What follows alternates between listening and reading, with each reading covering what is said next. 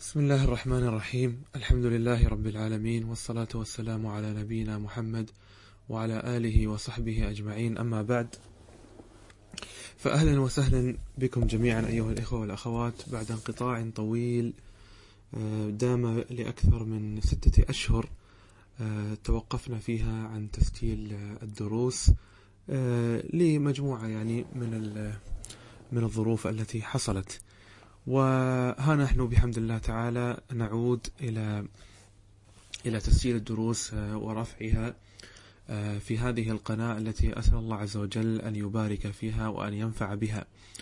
وأحب أن أشكر كل الإخوة الذين يعلقون عندنا في القناة ويشكرون ويدعون الحقيقة هذه التعليقات التي تأتي إلينا في في القناة في اليوتيوب لها واقع عظيم جدا على على ملقي هذه الدروس تحديدا وهو أخوكم ومحدثكم. وكذلك له وقع على العاملين أو الإخوة الذين يساعدونني في في إخراج هذه القناة ورفع الدروس ونحو ذلك. أيضا له وقع كبير عليهم. فجزاكم الله خيرا. وإنما هي كليمات يقولها الإنسان شاكرا أو داعيا. أو يعني مبينا استفادته من درس ما. هذه التعليقات إخواني لها لها أثر عظيم جدا في على نفوس القائمين على هذه القناة. فجزاكم الله خيرا جميعا. وسامحونا إذا أحيانا كنا نحن قد لا نرد على كل التعليقات. هذا أمر طبيعي ومتفهم لكن أجركم عند الله عز وجل بإذن الله تعالى ثابت. الأمر الثاني كتابنا اليوم الذي سنبدأ في التعليق عليه هو كتاب تذكرة السامع والمتكلم في أدب العالم والمتعلم. تصنيف القاضي بدر الدين محمد بن إبراهيم بن سعد الله ابن جماعة الكناني الشافعي. المتوفى رحمة الله عليه عام 733 للهجرة. طبعا هو مشهور بابن جماعة. هكذا شهرته ابن جماعة. وهذا الكتاب كما لا يخفى عليكم هو في أدب طالب العلم وفي أخلاق طالب العلم التي يجب أن يتحلى بها سواء كان في نفسه أو كان مع زملائه الذين يدرسون معه أو كان أدبه مع شيخه أو أدبه مع كتابه وكذلك أدبه مع ربه عز وجل. فإذا هذا الكتاب هو في آداب طالب العلم. تمام؟ هذا هو موضوع الكتاب آداب طالب العلم. وهذه الكتب مهمة جدا جدا جدا. يعني طبعا إحنا سنذكر إن شاء الله الآن مجموعة من أسماء الكتب التي صنفها العلماء في هذا الباب وهي كثيرة كثيرة. يعني منذ مئات السنين والعلماء يصنفون في هذا الباب. وإلى يومنا هذا يعني منذ أكثر من ألف سنة قد كتب العلماء في هذا الباب جملة من الكتب المنظومة والمنثورة. تمام؟ حتى أن هذه الآداب مع مع مر السنين تحولت إلى متون فهناك متون في آداب طالب العلم وعليها شروح وعليها حواشي إلى غير ذلك. الذي يعني حتى لا أطيل في المقدمة. الذي أريد أن أقوله هناك يعني للأسف الشديد للأسف الشديد كثير من طلاب العلم عنده مشكلة كبيرة في الأدب. وأنتم تعرفون كلام أهل العلم عندما يقولون السلف قالوا هذا في أكثر من موضع في أكثر من نص يقولون الأدب قبل العلم. تعلمنا الأدب قبل العلم. فالعلم بلا أدب لا يبارك فيه للإنسان لا يبارك فيه. ف... والأدب هذا أشياء تحته أشياء كثيرة كما سنعرفها إن شاء الله في هذا الكتاب. طيب. فكثير من طلاب علم الزمان لا ين... قد لا ينقصه العلم في مسألة معينة. وإنما ينقصه الأدب في تناولها والأدب في طرحها والأدب في التعاطي معها والأدب في في حكايتها ونحو ذلك. وكذلك الأدب في النقاشات هذه عندنا أزمة كبيرة يعني. الأدب في في التعامل مع مع من هو أكبر منك سنا وعلما وقدرا وفضلا. الأدب في التعامل مع الأئمة والسابقين. كيف تتعامل تتناقش معهم؟ كيف ترد عليهم؟ إذا أردت أن ترد. طيب إذا أردت أن تناقش إماما من الأئمة السابقين لا بأس. طيب لكن كيف يكون هذا النقاش؟ لابد أن يكون بأدب. طيب آه إذا آه عندنا لا أقول أزمة لا أقول أزمة لكن هناك يعني عدد كبير من طلاب العلم في زماننا يفتقرون إلى الأدب. فلذلك الذي أوصي نفسي به وإياكم هو أن الإنسان في مسيرته لطلب العلم لأن بعض طلبة العلم أنا أعرف بعض طلبة العلم يحتقر هذه الكتب ويقول لا أنا أريد أن أركز على العلم وعلى المتون والحفظ والمنظومات ومثل هذه الأمور. لا يهتم بهذه الكتب كتب أدب الطلب وكتب أخلاق طالب العلم لا يهتم بها. لماذا يحتقر ويقول هذه ليس فيها علم؟ هذه كتب سهلة وأنا أستطيع أن أقرأها وحدي وخلاص. فغالبا أو يعني كثير من الأحيان من يقول هذا من يقول أنا لا أهتم بهذه الكتب تجد عنده مشكلة في الأخلاق. طيب. والحقيقة الكتب لا تكفي. الكتب التي تعلم الأدب هي نافعة كما سترون إن شاء الله في هذا الكتاب لكنها لا تكفي. لابد أن يجمع الإنسان بين أمرين. بين القراءة في كتب أدب الطلب وأخلاق طالب العلم هذا واحد. والأمر الثاني أن يخالط العلماء وطلبة العلم والصالحين الذين تحلوا بهذه الآداب. أن يلازم أن يلازم وأن يخالط يحاول قدر المستطاع. حتى لو ما كان عنده علماء في بلده كثير من الأخوة يشتكي من هذا يقول ليس عندي علماء في بلدي. لا بأس. يعني إذا التقيت بعالم من العلماء فاحرص على الاستفادة من أدبه كما كان السابقون يفعلون. فبعض العلماء كان يجلس عند الإمام أحمد سنين يقول ما كتبت عنه حديثا واحدا. يعني لم لم أدرس عنده ولم أجلس عنده لأجل العلم. قال وإنما جلست عنده سنين. لماذا؟ لم أكتب عنه حديثا واحدا. إذا ماذا تفعل عنده؟ قال وإنما كنت أتعلم منه الأدب. يتعلم منه إيش؟ الأدب. كيف يرد على الناس؟ كيف كيف يتعامل إذا أخطأ في حقه أحد؟ كيف يخاطب العامة؟ كيف يخاطب طلبة العلم؟ كيف يخاطب الأمراء والوزراء ونحو ذلك؟ هذا هو الأدب. فإذا لابد لطالب العلم أن يجمع بين الأمرين القراءة في هذه الكتب ولا ينفك عنها. سأشير إلى هذه النقطة الآن وهو أن أن القراءة في هذه الكتب لا تكون فقط في المرحلة الأولى ثم يهجرها لا. لا. وإنما لا بد من أن يعود إليها بين الوقت والآخر. بمعنى تقرأ كتابا في أوائل الطلب عندما تبدأ في طلب العلم تقرأ هذا الكتاب. لذلك هذا الكتاب مثلا الذي معنا الآن التذكرة لابن جماعة هذا الكتاب إخواني يصلح للجميع يصلح لكل الناس. هو للعامي. حتى العامي إذا قرأه يتشجع لطلب العلم. ويصلح للمبتدئ ويصلح للمتوسط. ويصلح للمتقدم. ويصلح لمن كان فوق المتقدم. هو للجميع. تمام؟ فلذلك يعني أنت عندك خياران. إما أن تكرر كتابا واحدا وهذا لا بأس به فتقرأ هذا الكتاب الآن. ثم تقرأه بعد سنة مثلا. طيب ثم تقرأه للمرة الثالثة بعد سنة. يعني انظر أنا هذا الكتاب لا أمل من قراءته. قرأته الحمد لله كثيرا وقرأته الطلبة عندي في المسجد في المركز وما زلت أستفيد منه وأستمتع بقراءته. طيب لكن بعض الإخوة بعض الإخوة لا يحب أن يكرر كتابا واحدا. لا بأس.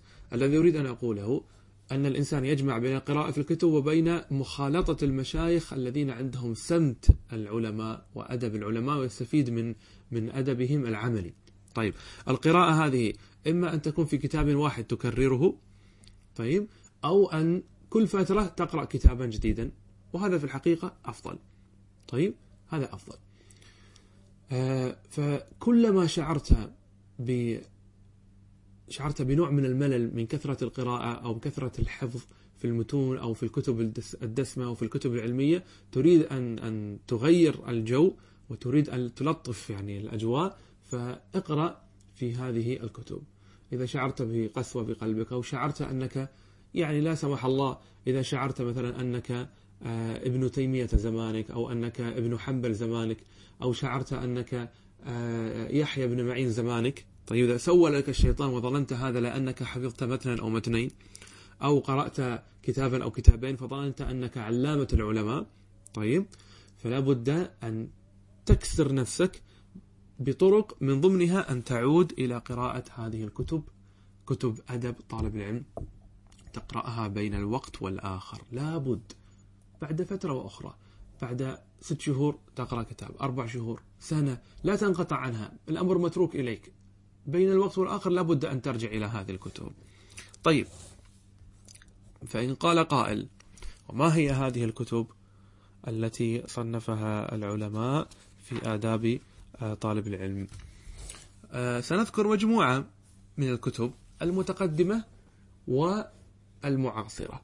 طيب سنذكر مجموعة وأنت يا طالب العلم اختر منها ما شئت. لا تقول لي ما هو أفضلها كلها طيبة كلها جيدة كلها كلها حسنة. طيب. لكن قد يكون هناك أجمعها. أجمع هذه الكتب. طيب مثلا من أجمعها من أجمعها كتاب الإمام ابن عبد البر الأندلسي. كتاب الإمام ابن عبد البر الأندلسي. وهو جامع بيان العلم. جامع بيان العلم. هذا كتاب من؟ الإمام ابن عبد البر الأندلسي. وهو مطبوع في دار ابن الجوزي في مجلدين. طيب إذا نذكر لكم مجموعة من الكتب على سبيل المثال. عندكم كتاب آه، الجامع آه، للخطيب البغدادي. طيب كل هذا كتب جميلة ومهمة. وكتب البغدادي عموما لا كتب كثيرا هو في في هذا المجال لكن من أجمل كتبه هذا الجامع للخطيب البغدادي. آه، والفقيه والمتفقه أيضا للخطيب البغدادي. كتاب مهم. وكتاب تعليم المتعلم طريق التعلم. تعليم المتعلم طريق التعلم. لمن؟ للزرنوجي. وهذا الكتاب عليه أيضا تعليقات وشروح للعلماء. الكتاب الذي بعده هو آداب آه، أو أدب الطلب أو آداب الطلب للشوكاني. نعم الشوكاني. له اسم كامل مسجوع آه، ارجعوا إليه ستجدونه. طيب هذا أيضا كتاب مفيد. أخلاق العلماء للآجري. آداب المتعلمين لسحنون. آه، الرسالة المفصلة لأحكام المتعلمين للقابسي آه، الحث على طلب العلم للعسكري. فضل علم السلف على الخلف. هذا آه، لابن رجب الحنبلي وهذا كتاب مهم جدا جدا جدا على صغره على صغره. وأرجو الله عز وجل أن ييسر لنا أن نعلق عليه. كتاب مهم ولا تكفي فيه قراءة واحدة. هذا من الكتب التي تكرر. مهم جدا. جامع بيان العلم لابن عبد البر الأندلسي قد ذكرته لكم. آه، أيضا آه، من الكتب النافعة.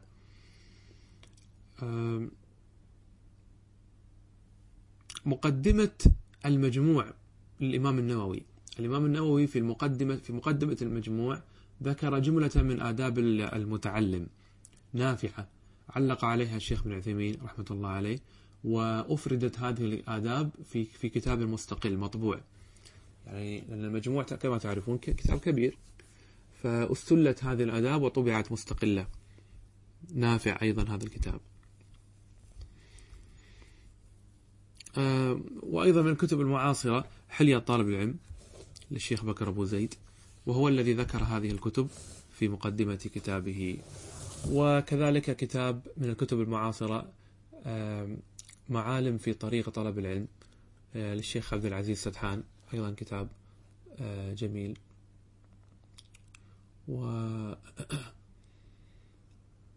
ماذا أيضا عندنا؟ آه، هناك كتاب إضاءات منهجية في طلب العلم من إعداد الدرر السنية. وكذلك هناك كتاب السبل المرضية للشيخ أحمد سالم. هو كتاب أيضا نافع نافع جدا. آه، الحقيقة هناك كتب كثيرة. آه، هناك كتاب أيضا للشيخ مشاري الشثري اسمه آه، ارتياض العلوم. أيضا كتاب نافع. وهكذا يعني سبحان الله بين الوقت والآخر لابد أن يخرج لنا كتاب في هذا الموضوع لشدة الحاجة إليه. وأخوكم ومحدثكم العبد الفقير كتب كتيبا رسالة صغيرة موجزة لخصتها من كتب الأوائل سميته مقاليد العلم. مقاليد العلم. وهو مطبوع عند دار ابن النديم. آه، ولعلنا إن شاء الله نرفعه قريبا على صيغة بي دي اف مجانا آه، للأخوة وأرفعه إن شاء الله آه، في في تويتر وغيره. طيب يا أخوان هذه هي المقدمة التي أحببت أن أذكرها. نبدأ الآن في الشروع في كتاب تذكرة السامع متكلم. هذا الكتاب تذكرة السامع متكلم هو كتاب مبارك قد طبع مرارا وتكرارا ومن أحسن طبعاته. طبعت دار البشائر الإسلامية من أحسنها. آه، لا أقول هو الأحسن ولكن هناك طبعات كثيرة جيدة. دار البشائر الإسلامية طبعوه طبعة جميلة كما قلت وكذلك دار ابن الجوزي طبعوه آه، وغيرها من الدور طبعت هذا الكتاب. إذا الطبعة التي سنقرأ منها ونعلق عليها هي طبعة دار البشائر الإسلامية. تمام يا إخوان؟ أظن أنها يعني متاحة.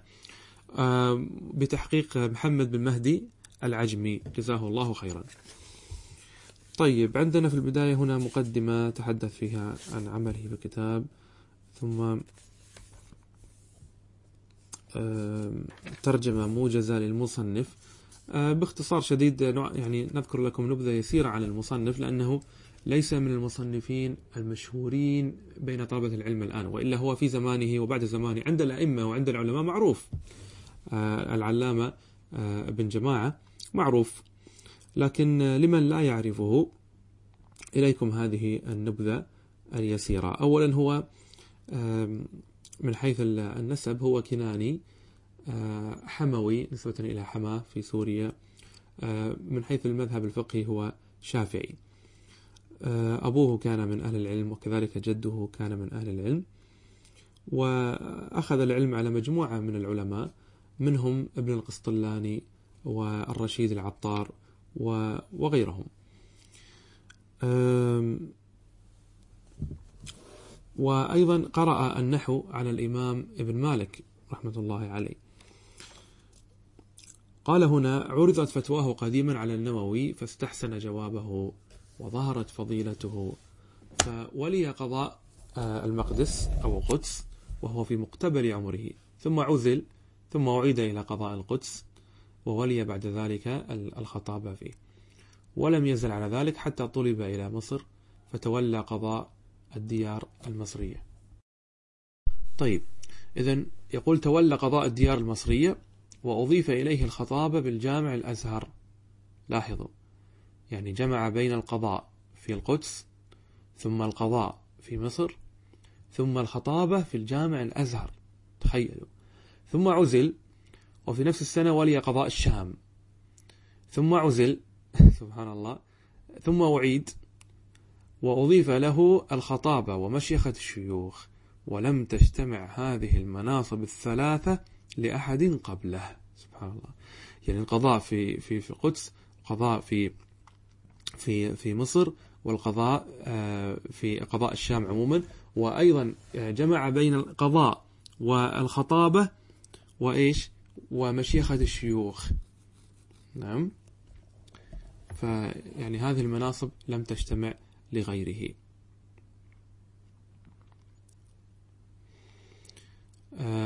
أصيب بالعمى في آخر يعني في آخر أيامه رحمة الله عليه ولذلك عزل عن قضاء الديار المصرية. آه، وكذلك في مجال التدريس يعني وهذه نقطة مهمة وهو أن ابن جماعة آه، ممن مارس التدريس وهو خبير في التدريس. لذلك كثير من النصائح التي سيذكرها في هذا الكتاب مما يتعلق بالتدريس هي في الحقيقة خرجت من يعني كما يقولون من وحي التجربة يعني. فهو لا يتكلم كلاما تنظيريا عاما لا هو مجرب.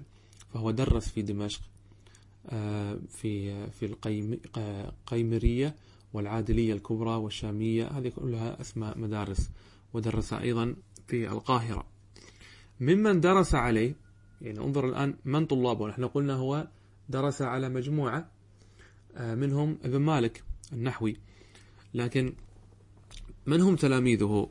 يقول هنا تتلمذ له خلق أبرزهم الصلاح الصفدي المؤرخ المعروف وشمس الدين الذهبي. أيضا المؤرخ أو المحدث الكبير المعروف من تلاميذ ابن تيمية. وأيضا من طلابه تاج الدين السبكي. كل هؤلاء أخذوا عن ابن جماعة.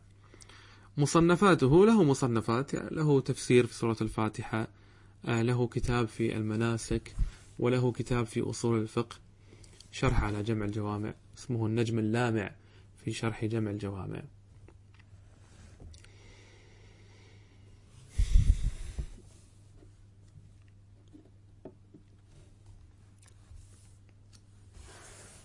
قال هنا كان رحمه الله مليح الهيئة أبيض مستدير اللحية جميل البزة دقيق الصوت ساكنا وقورا. وقال أيضا وكانت فيه رياسة وتودد ولين جانب وقوة نفس في الحق وحسن تربية من غير عنف ولا تخجيل. طيب آه بعد ذلك آه توفي آه ابن جماعة رحمة الله عليه ليلة الاثنين آه سنة آه ثلاثة وثلاثين وسبعمائة. هذه مخ... هذا هذه ترجمة مختصرة آه أعطي... ذكرناها لكم من باب يعني أن يعرف الإنسان لمن يقرأ أنت تقرأ لإنسان درس على ابن مالك و... وأخذ عنه العلم آه الذهبي والسبكي والصفدي فهو علم من أعلام آه الأمة.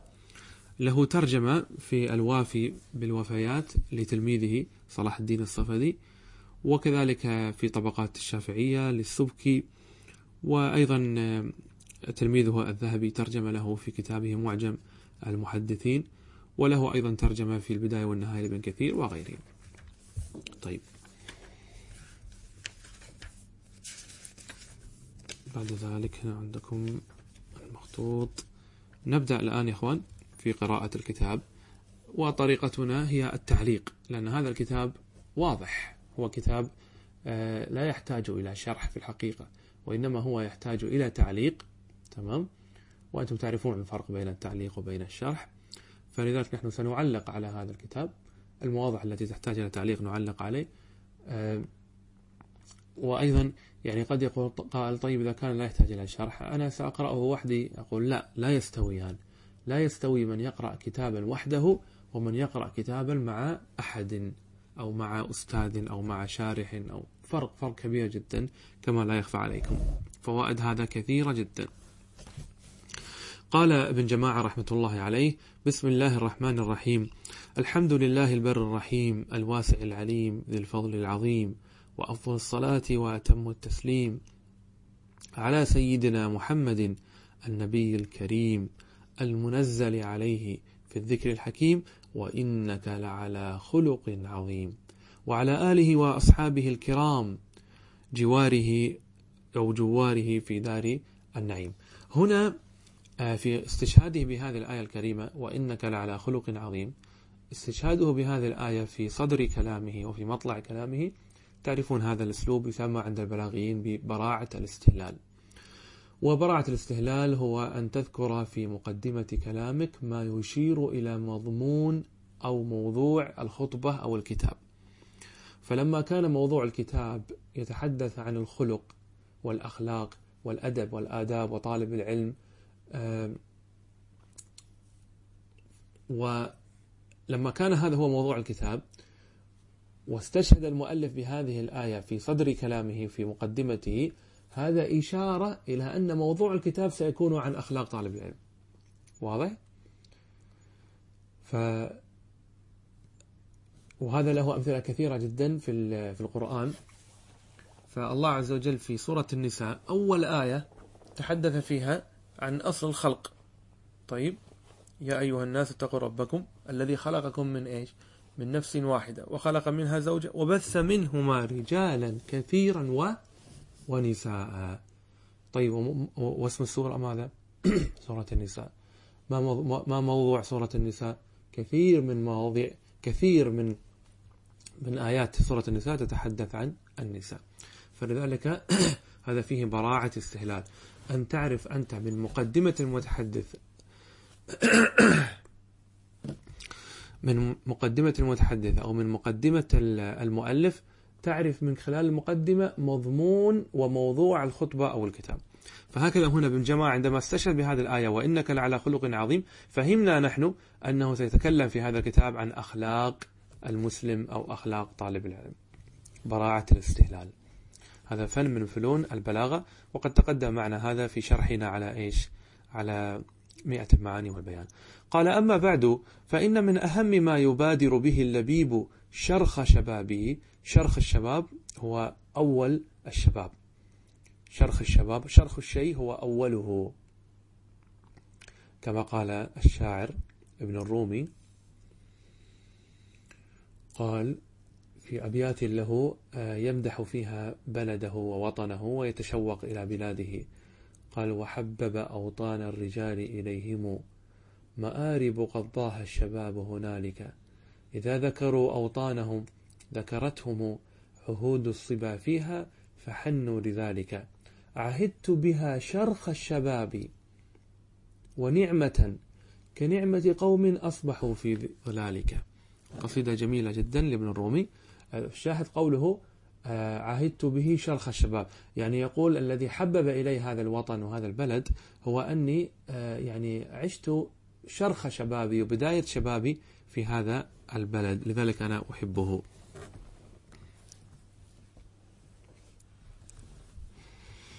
إذا قال فإن من أهم ما يبادر به اللبيب شرخ شبابه ويدئب نفسه. نعم.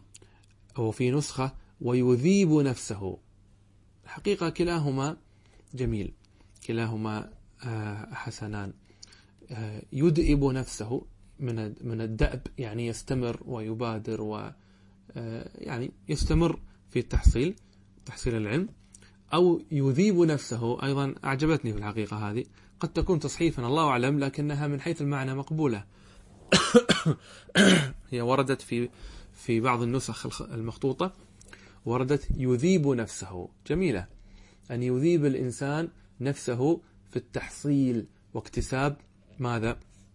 قال ويذيب, ويذيب نفسه في تحصيله واكتسابه ما هو حسن الأدب. يعني أنه جعل هذا من العلم. أن الإنسان يتعلم حسن الأدب. أن يكون متأدبا. والأدب من العلم. الذي شهد الشرع والعقل بفضله. يعني سيذكر لك الآن أدلة من الشرع قرآن وسنة تدل على أهمية الأدب أدب طالب العلم. والعقل أيضا العقل السليم يدلنا على هذا فالعقل يقول لنا أن هذا إن هذا العلم عظيم. ومن عظمته أنه لا بد أن يؤخذ بأدبه ويعني هذا حتى عند الأمم الأخرى حتى عند غير المسلمين عندهم يعني آه، في أقصد في الحضارات القديمة عندهم آداب. طيب هذا هذا أمر يعني آه، معروف ومقبول آه، عقلا وعرفا بين الناس. الذي شهد الشرع والعقل بفضله واتفقت الآراء والألسنة على شكر أهله. يعني من من من كان من أهل الأدب فإن فإن الناس قد اتفقوا على الثناء عليه وعلى استحسانه. وإن أحق الناس بهذه الخصلة الجميلة وأولاهم بحيازة هذه المرتبة الجليلة أهل العلم الذين حلوا به ذروة المجد والسناء وأحرزوا به قصبات السبق إلى وراثة الأنبياء لعلمهم بمكارم أخلاق النبي صلى الله عليه وسلم وآدابه وحسن سيرة الأئمة الأطهار من أهل بيته وأصحابه. وبما كان عليه أئمة علماء السلف واقتدى بهديهم فيه مشايخ الخلف. إذا من هم الذين نحن نأخذ عنهم الأدب؟ الأساس هو النبي صلى الله عليه وسلم وهو الميزان الذي تعرض عليه الآداب كما سيأتي معنا الآن قريبا نقلا عن سفيان. تمام؟ سيأتينا هذا الآن قريبا. ثم بعد ذلك نستفيد أيضا من آداب وأخلاق من جاء بعد النبي صلى الله عليه وسلم بشرط أن يكون أدبه موافقا للنبي صلى الله عليه وسلم. واضح؟ هذه نقطة مهمة. فنحن نعم نستفيد من آداب وأخلاق الصحابة والتابعين وأتباع التابعين وعلماء السلف القرون الثلاثة وحتى من بعدهم من فضلاء الخلف حتى من المعاصرين. نستفيد من آدابهم وأخلاقهم لا بأس. لكن بشرط أن يكون هذا الأدب معروضا على الميزان الأكبر. ما هو الميزان الأكبر؟ النبي صلى الله عليه وسلم. فإن وافقه قبلنا وإن خالفه اعتذرنا له ورددنا. قال ابن سيرين كانوا أي كان السلف يتعلمون الهدي مع أن ابن سيرين من السلف ابن سيرين من التابعين. فلما يقول كانوا من يقصد؟ إما أن يقصد علماء التابعين أو أن يقصد الصحابة لأن هؤلاء هم الناس في زمانه. صح ولا لا؟ إما أن يقصد أئمة التابعين من جيله أو أنه يقصد ماذا؟ الصحابة. إذا يقول كانوا يتعلمون الهدي الهدي الذي هو السمت والأخلاق والأدب وغير ذلك. كانوا يتعلمون الهدي كما يتعلمون العلم. إذا إذا الأدب من العلم أو لا هو من العلم. وهذا فيه رد على من يحتقر هذه الكتب ولا يرفع بها رأسا. فأنت لست خيرا من هؤلاء. فهؤلاء كانوا يتعلمون الأدب تعلما. كما يتعلمون إيش؟ كما يتعلمون نواقض الوضوء وشروط الصلاة ويتعلمون مفسدات الصيام.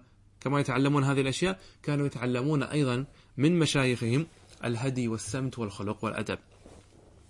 وقال الحسن إن كان الرجل ليخرج في أدب يكسبه السنين ثم السنين. يعني قد قد قد يرى بعض الناس أن هذا مبالغة يعني لكن هكذا يقول الحسن آه، آه، أنهم كانوا يقضون ربما السنين في تعلم أدب. وهذا يعني كما ذكرت لكم آه، قبل قليل أن بعض العلماء كان يحضر عند بعض الأئمة لا لشيء وإنما ليتعلم منه الأدب. لم يكتب عنه العلم ولا شيء وإنما جلس عنده سنين يأخذ بأدبه.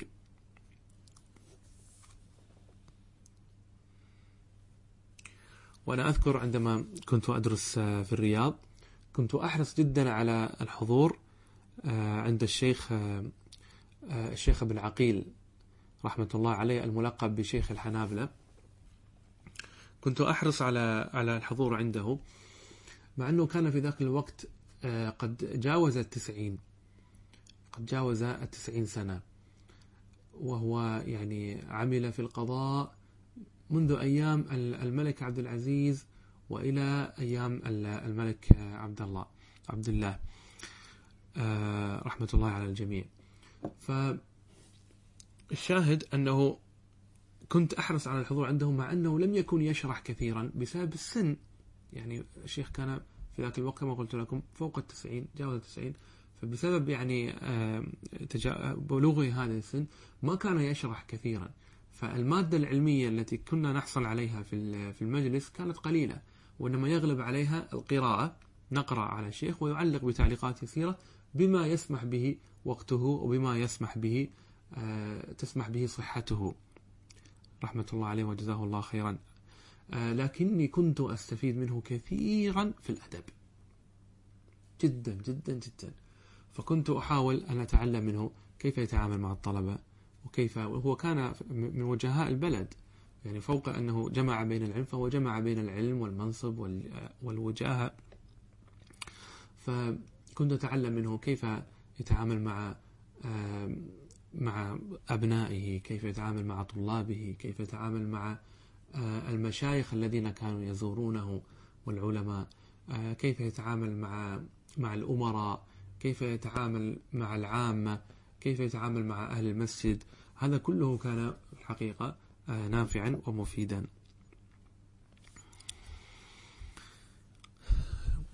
قال هنا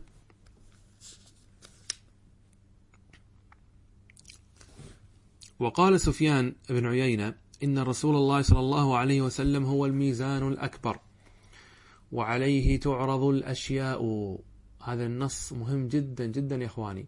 هذا النص يجب أن يكون نصب عينيك وأنت تقرأ في كتب الأدب سواء في قراءتك لهذا الكتاب أو في قراءتك لأي كتاب من أدب الطلب. وقد أحسن ابن جماعة كل الإحسان حين أورد هذا الأثر في أول الكتاب.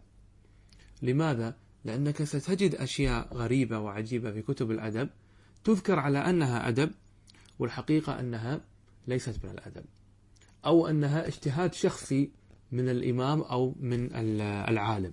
اجتهاد شخصي. فيعتذر له ويتأول له لكن لا نقبله وهذا كثير جدا عند الأوائل وعند المعاصرين. فتجد العلماء يفعلون أشياء و آه، أو تجد بعض العلماء يفعل بعض الأشياء فيظن الطلبة أنها من الأدب فيبدأ إيش؟ يقلده ويحاكيه ويرى أن هذا من الأدب. لا نحن نقول الميزان الأكبر هو النبي صلى الله عليه وسلم وهو الذي تعرض عليه الأشياء. قال وعليه تعرض الأشياء على خلقه وسيرته وهديه فما وافقها فهو الحق وما خالفها فهو الباطل. أنا أعطيكم مثالا. أنا مرة سمعت أحد الطلبة يثني على شيخ من المشايخ المعاصرين. هو شيخ فاضل له قدره وفضله. هذا الطالب كان يثني على هذا الشيخ. ماذا يقول؟ يقول الشيخ الفلاني ما شاء الله تبارك الله لا يبتسم أبدا. ولاحظ الآن هذا في سياق إيش؟ في سياق المدح. في سياق المدح. يقول هذا الشيخ يعجبني. لماذا يعجبه؟ لماذا يعجبه؟ لماذا هو ما الخصلة التي أعجب بها؟ قال هو ما شاء الله تبارك الله عليه لا يبتسم أبدا. لماذا؟ هذا يدل على أنه آه، عنده سمت العلماء وأدب العلماء وأنه آه، جاد في حياته وفي تعامله معنا. هل هذا الكلام نقبله؟ طيب نعرضه على الميزان الأكبر. نعرضه على الميزان الأكبر صلى الله عليه وسلم. عرضناه. هل كان هل كان هذا هدي النبي صلى الله عليه وسلم؟ لا. هذا يخالف السنة القولية والسنة العملية. أما السنة العملية فعروة بن مسعود رضي الله عنه يقول قبل إسلامه يقول ما لقيني النبي صلى الله عليه وسلم قط إلا تبسم في وجهي هذا وهو إيش مشرك ثم بعد ذلك أسلم وأما السنة القولية فالنبي صلى الله عليه وسلم يقول تبسمك في وجه أخيك صدقة. وهذا للأسف عند كثير من طلاب العلم يظن أنه إذا كان طالب علم أو إذا كان عالما بين قوسين طيب فيظن أنه يجب أن يكون عبوسا قمطريرا آه، مكفهرا آه، غضوبا لا يضحك ولا يمزح ولا يبتسم ولا هذا كله خطأ خطأ. و ويعني مردود على صاحبه وينبغي ينبغي لنا وينبغي للعلماء أن يناصحوا من فعل هذا.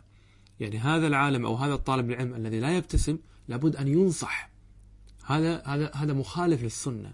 فلا بد أن ينصح يقول له يقال له يا فلان هذا الذي تفعله أنت مخالف للسنة. كيف أنا أنا عالم وخالفت السنة؟ نعم. أنت عالم وخالفت السنة. يعني إيش المشكلة؟ أنت لست معصوما. إذا هذا هذا الأثر يا إخوان اجعلوه أمام أعينكم نصب أعينكم وأنتم تقرؤون هذا الكتاب وأنتم تقرؤون أي كتاب من أدب الطلب. نقرأه مرة أخرى لأنه مهم. قال سفيان الثو... قال سفيان بن عيينة إن رسول الله صلى الله عليه وسلم هو الميزان الأكبر وعليه تعرض الأشياء على خلقه وسيرته وهديه فما وافقها فهو الحق وما خالفها فهو الباطل. وأنا ذكرت لكم مثالا واحدا وهناك أمثلة كثيرة يعني لا نريد أن نطيل بها الكلام ولعلنا نذكرها إن شاء الله في ثنايا شرح هذا الكتاب. وقال حبيب بن الشهيد حبيب بن الشهيد بصري توفي سنة 145 له ترجمة في سير أعلام النبلاء. قال حبيب بن الشهيد لابنه يا بني اصحب الفقهاء والعلماء وتعلم منهم وخذ من أدبهم فإن ذلك أحب إلي من كثير من الحديث. تخيل. يقول له يقول لابنه موصية يقول إن تعلمك للأدب والهدي والسمت والأخلاق أحب إلي من كثير من الحديث.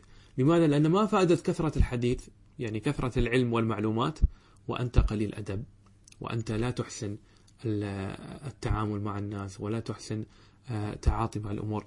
فهكذا يقول حبيب لابنه. وقال بعضهم لابنه يا بني لأن تعلم بابا من الأدب أحب إلي من أن تتعلم سبعين بابا من العلم. تخيلوا. باب واحد من الأدب تتعلمه يقول أحب إلي من سبعين بابا من العلم. طبعا سبعين باب لكن بدون إيش؟ بدون أدب. لذلك أنا قلت لكم في أول كلام علم بلا أدب لا قيمة له. لا قيمة له. إذا إذا كان علمك لم يقدك إلى الأدب وإلى التواضع والسكينة والخشية فعلمك مدخول علمك فيه شيء. وقال مخلد ابن الحسين آه هذا أزدي قال أبو داود عنه كان أعقل أهل زمانه. كان أعقل أهل زمانه.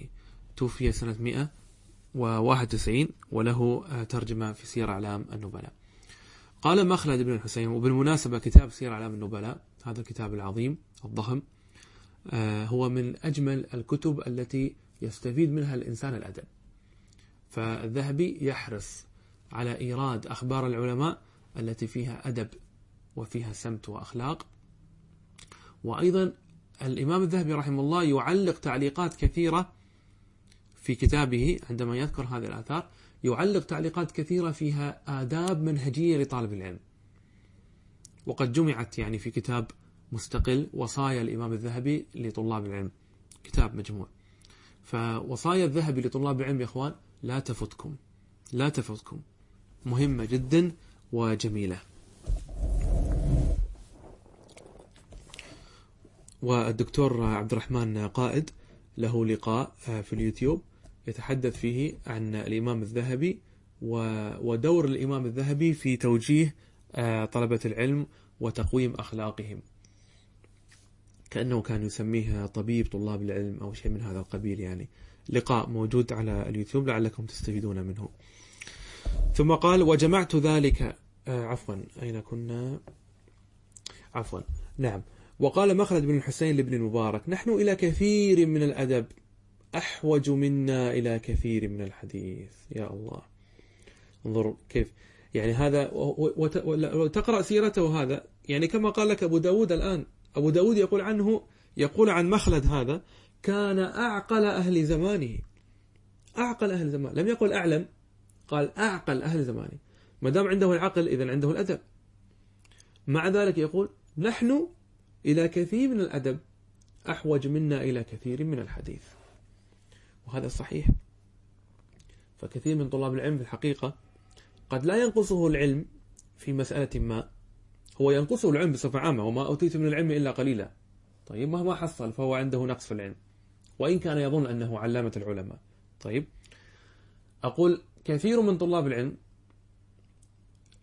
قد لا تنقصه قد لا ينقصه المعلومات في مسألة معينة وإنما ينقصه الأدب. فتجده في عرضه لهذه المسألة يعرضها بتعالي وكبر وغرور و يعني واحتقار للناس فعنده مشكلة إيش؟ في الأدب. نحن إلى كثير من الأدب أحوج منا إلى كثير من الحديث. وقيل للشافعي رضي الله عنه كيف شهوتك للأدب؟ يعني كيف كيف كيف هي حاجتك إلى الأدب؟ وكيف كيف تشعر أنت تجاه الأدب؟ قال أسمع بالحرف منه مما لم أسمعه فتود أعضائي يعني أعضائي الجسدية أن لها أسماعا تتنغم تتنعم به. يعني يقول إذا سمعت معلومة جديدة تتعلق بأدب طالب العلم أتمنى أنه ليس فقط عندي أذن واحدة وإنما أتمنى أن أعضائي كلها كل عضو له أذن فيدي لها أذن وقلبي له أذن ورجلي لها أذن ورأسي آه يعني له يعني أذن آخر مثلا. طيب آه المهم أن أود أن أعضائي لها أسماع كي تتنعم بهذه المعلومة الجديدة المتعلقة بإيش؟ بالأدب. قيل وكيف طلبك له؟ قال طلب المرأة المضلة ولدها وليس لها غيره وليس لها غيره. تخيل الآن امرأة ليس عندها إلا طفل واحد وهذا الطفل الواحد مفقود. تمام؟ يعني لاحظوا كيف اجتمع الآن عدة أمور. أولا هي امرأة وأنتم تعرفون عاطفة المرأة. ثانيا هي أم وأنتم تعرفون عاطفة الأم. ثالثا ليس عندها إلا ولد واحد وهذا موجب للتعلق الكبير. رابعا هذا الولد مفقود ضاع. كيف يكون طلبها له؟ كيف؟ كيف تبحث عنه؟ مثل المجنونة. صح ولا لا؟ فيقول أرأيتم؟ أرأيتم هذا الطلب الذي تطلبه المرأة لهذا لهذا الطفل؟ أنا أبحث عن الأدب والسمت والأخلاق والهدي المتعلق بطلبة العلم أبحثه مثل هذه المرأة. سبحان الله. ثم قال ولما بلغت رتبة الأدب هذه المزية. الآن هو هذه مقدمة ذكر لك فيها أهمية تعلم الأدب. طيب هذه الآن المقدمة طيب ما هي النتيجة؟ قال ولما بلغت رتبة الأدب هذه المزية وكانت مدارك مفصلاته خفية يعني قد تخفى على قد تخفى تفاصيل الآداب قد تخفى على طلاب العلم. فلما كان الأمر كذلك يعني لأجل هذين الأمرين وهو أهمية الأدب وخفاء تفاصيل الأدب على طلاب العلم.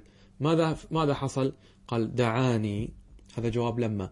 دعاني ما رأيت من احتياج الطلبة إليه وعسر تكرار توقيفهم عليه. إما لحياء فيمنعهم الحضور. يعني هذا خطأ طبعا. بعض الطلبة قد يمنعه الحياء من أن يحضر الدرس الذي يتكلم عن آداب طالب العلم. هذا خطأ. والعلماء يقولون لا ينال العلم مستحي ولا مستكبر. فلا ينبغي أن يمنعك الحياء من أن تحضر درسا في آداب طالب العلم وتظن أنك مكتفي و و و وأنك عندك الكفاية. لا. حتى لو بلغت من الكبر عتية حتى لو بلغت من العلم مبلغا عظيما فلا تستنكف ولا تخجل من أن تحضر مجلسا في آداب الطلب. لكن مع ذلك فالشيخ جمع لك هذا الكتاب إذا كنت تستحي من الحضور. قال ودعاني ما رأيت من احتياج الطلبة إليه وعسر تكرار توقيفهم عليه إما لحياء فيمنعهم الحضور أو لجفاء فيورثهم النفور. قد يكون في عند بعض الطلبة جفاء هذا الجفاء يورثهم النفور من من مجالس تعليم الأدب والهدي.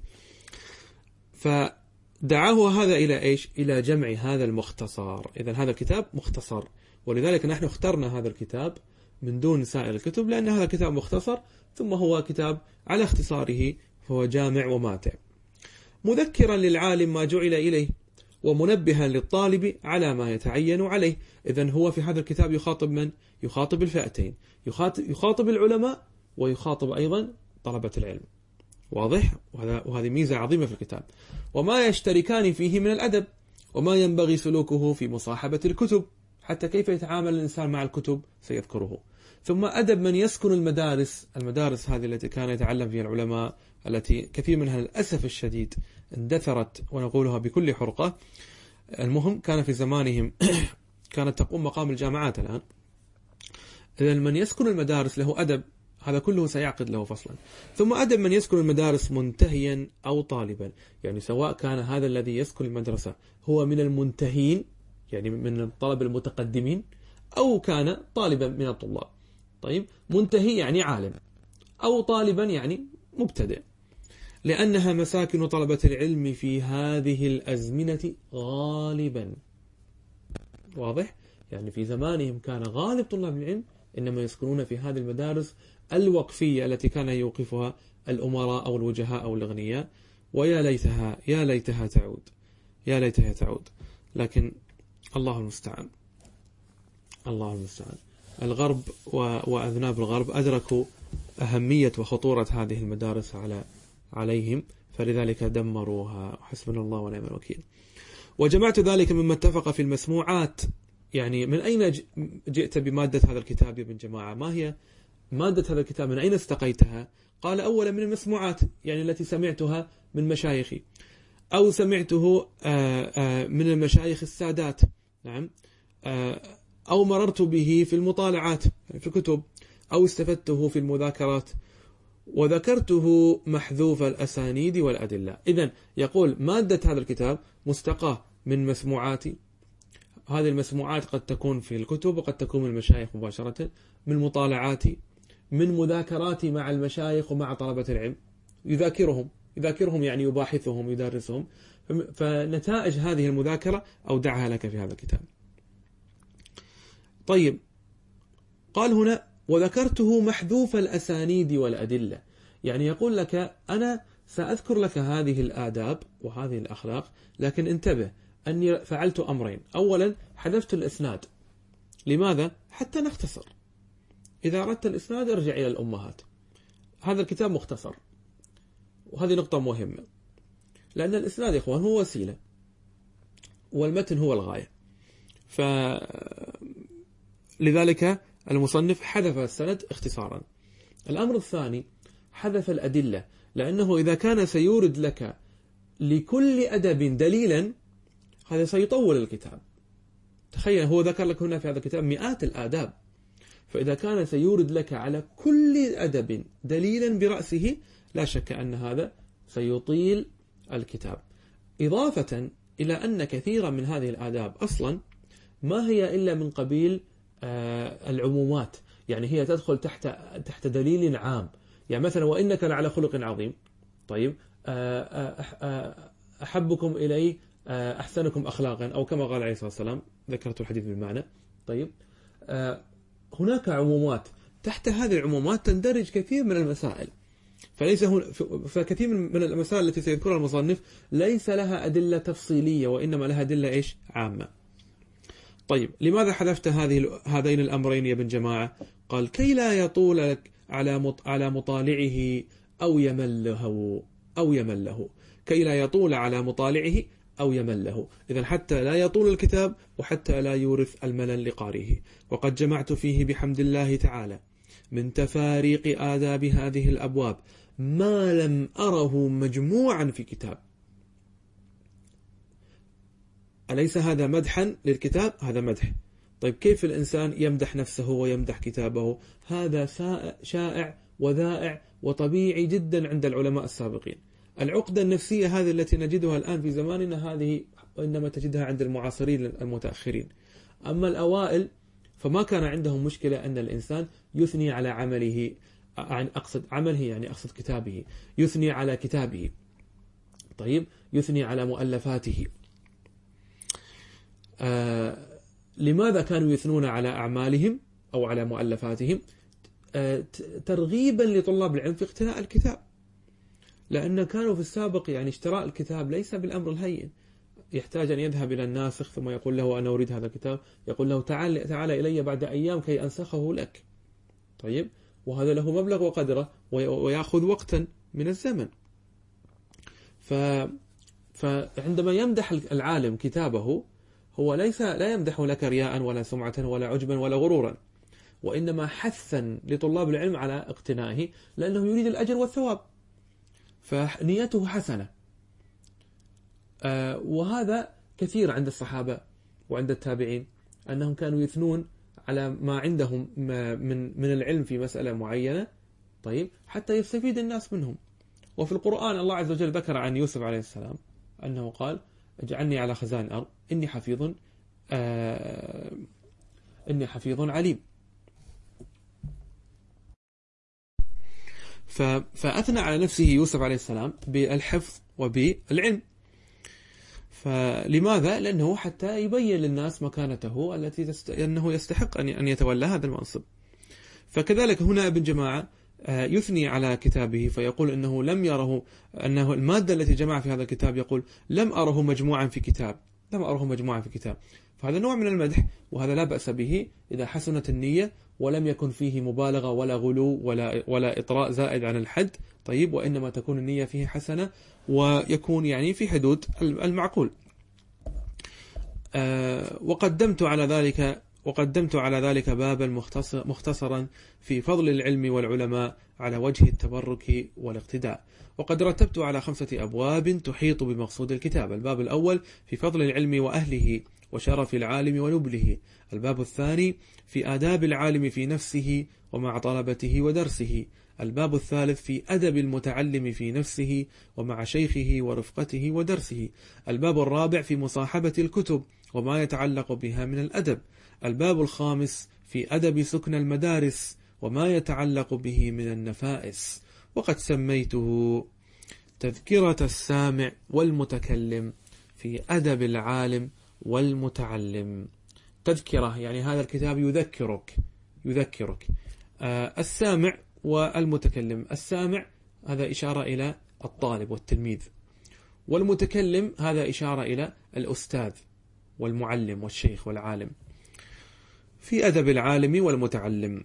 والله تعالى يوفقنا للعلم والعمل ويبلغنا من رضوانه نهاية الأمل. حقيقة مقدمة رائعة جدا وممتعة ومختصرة وتصل إلى المقصود مباشرة في الدرس القادم إن شاء الله. سنبدأ بالباب الأول في فضل العلم والعلماء. وجزاكم الله خيرا. وصلى الله وسلم على نبينا محمد وعلى آله وصحبه أجمعين.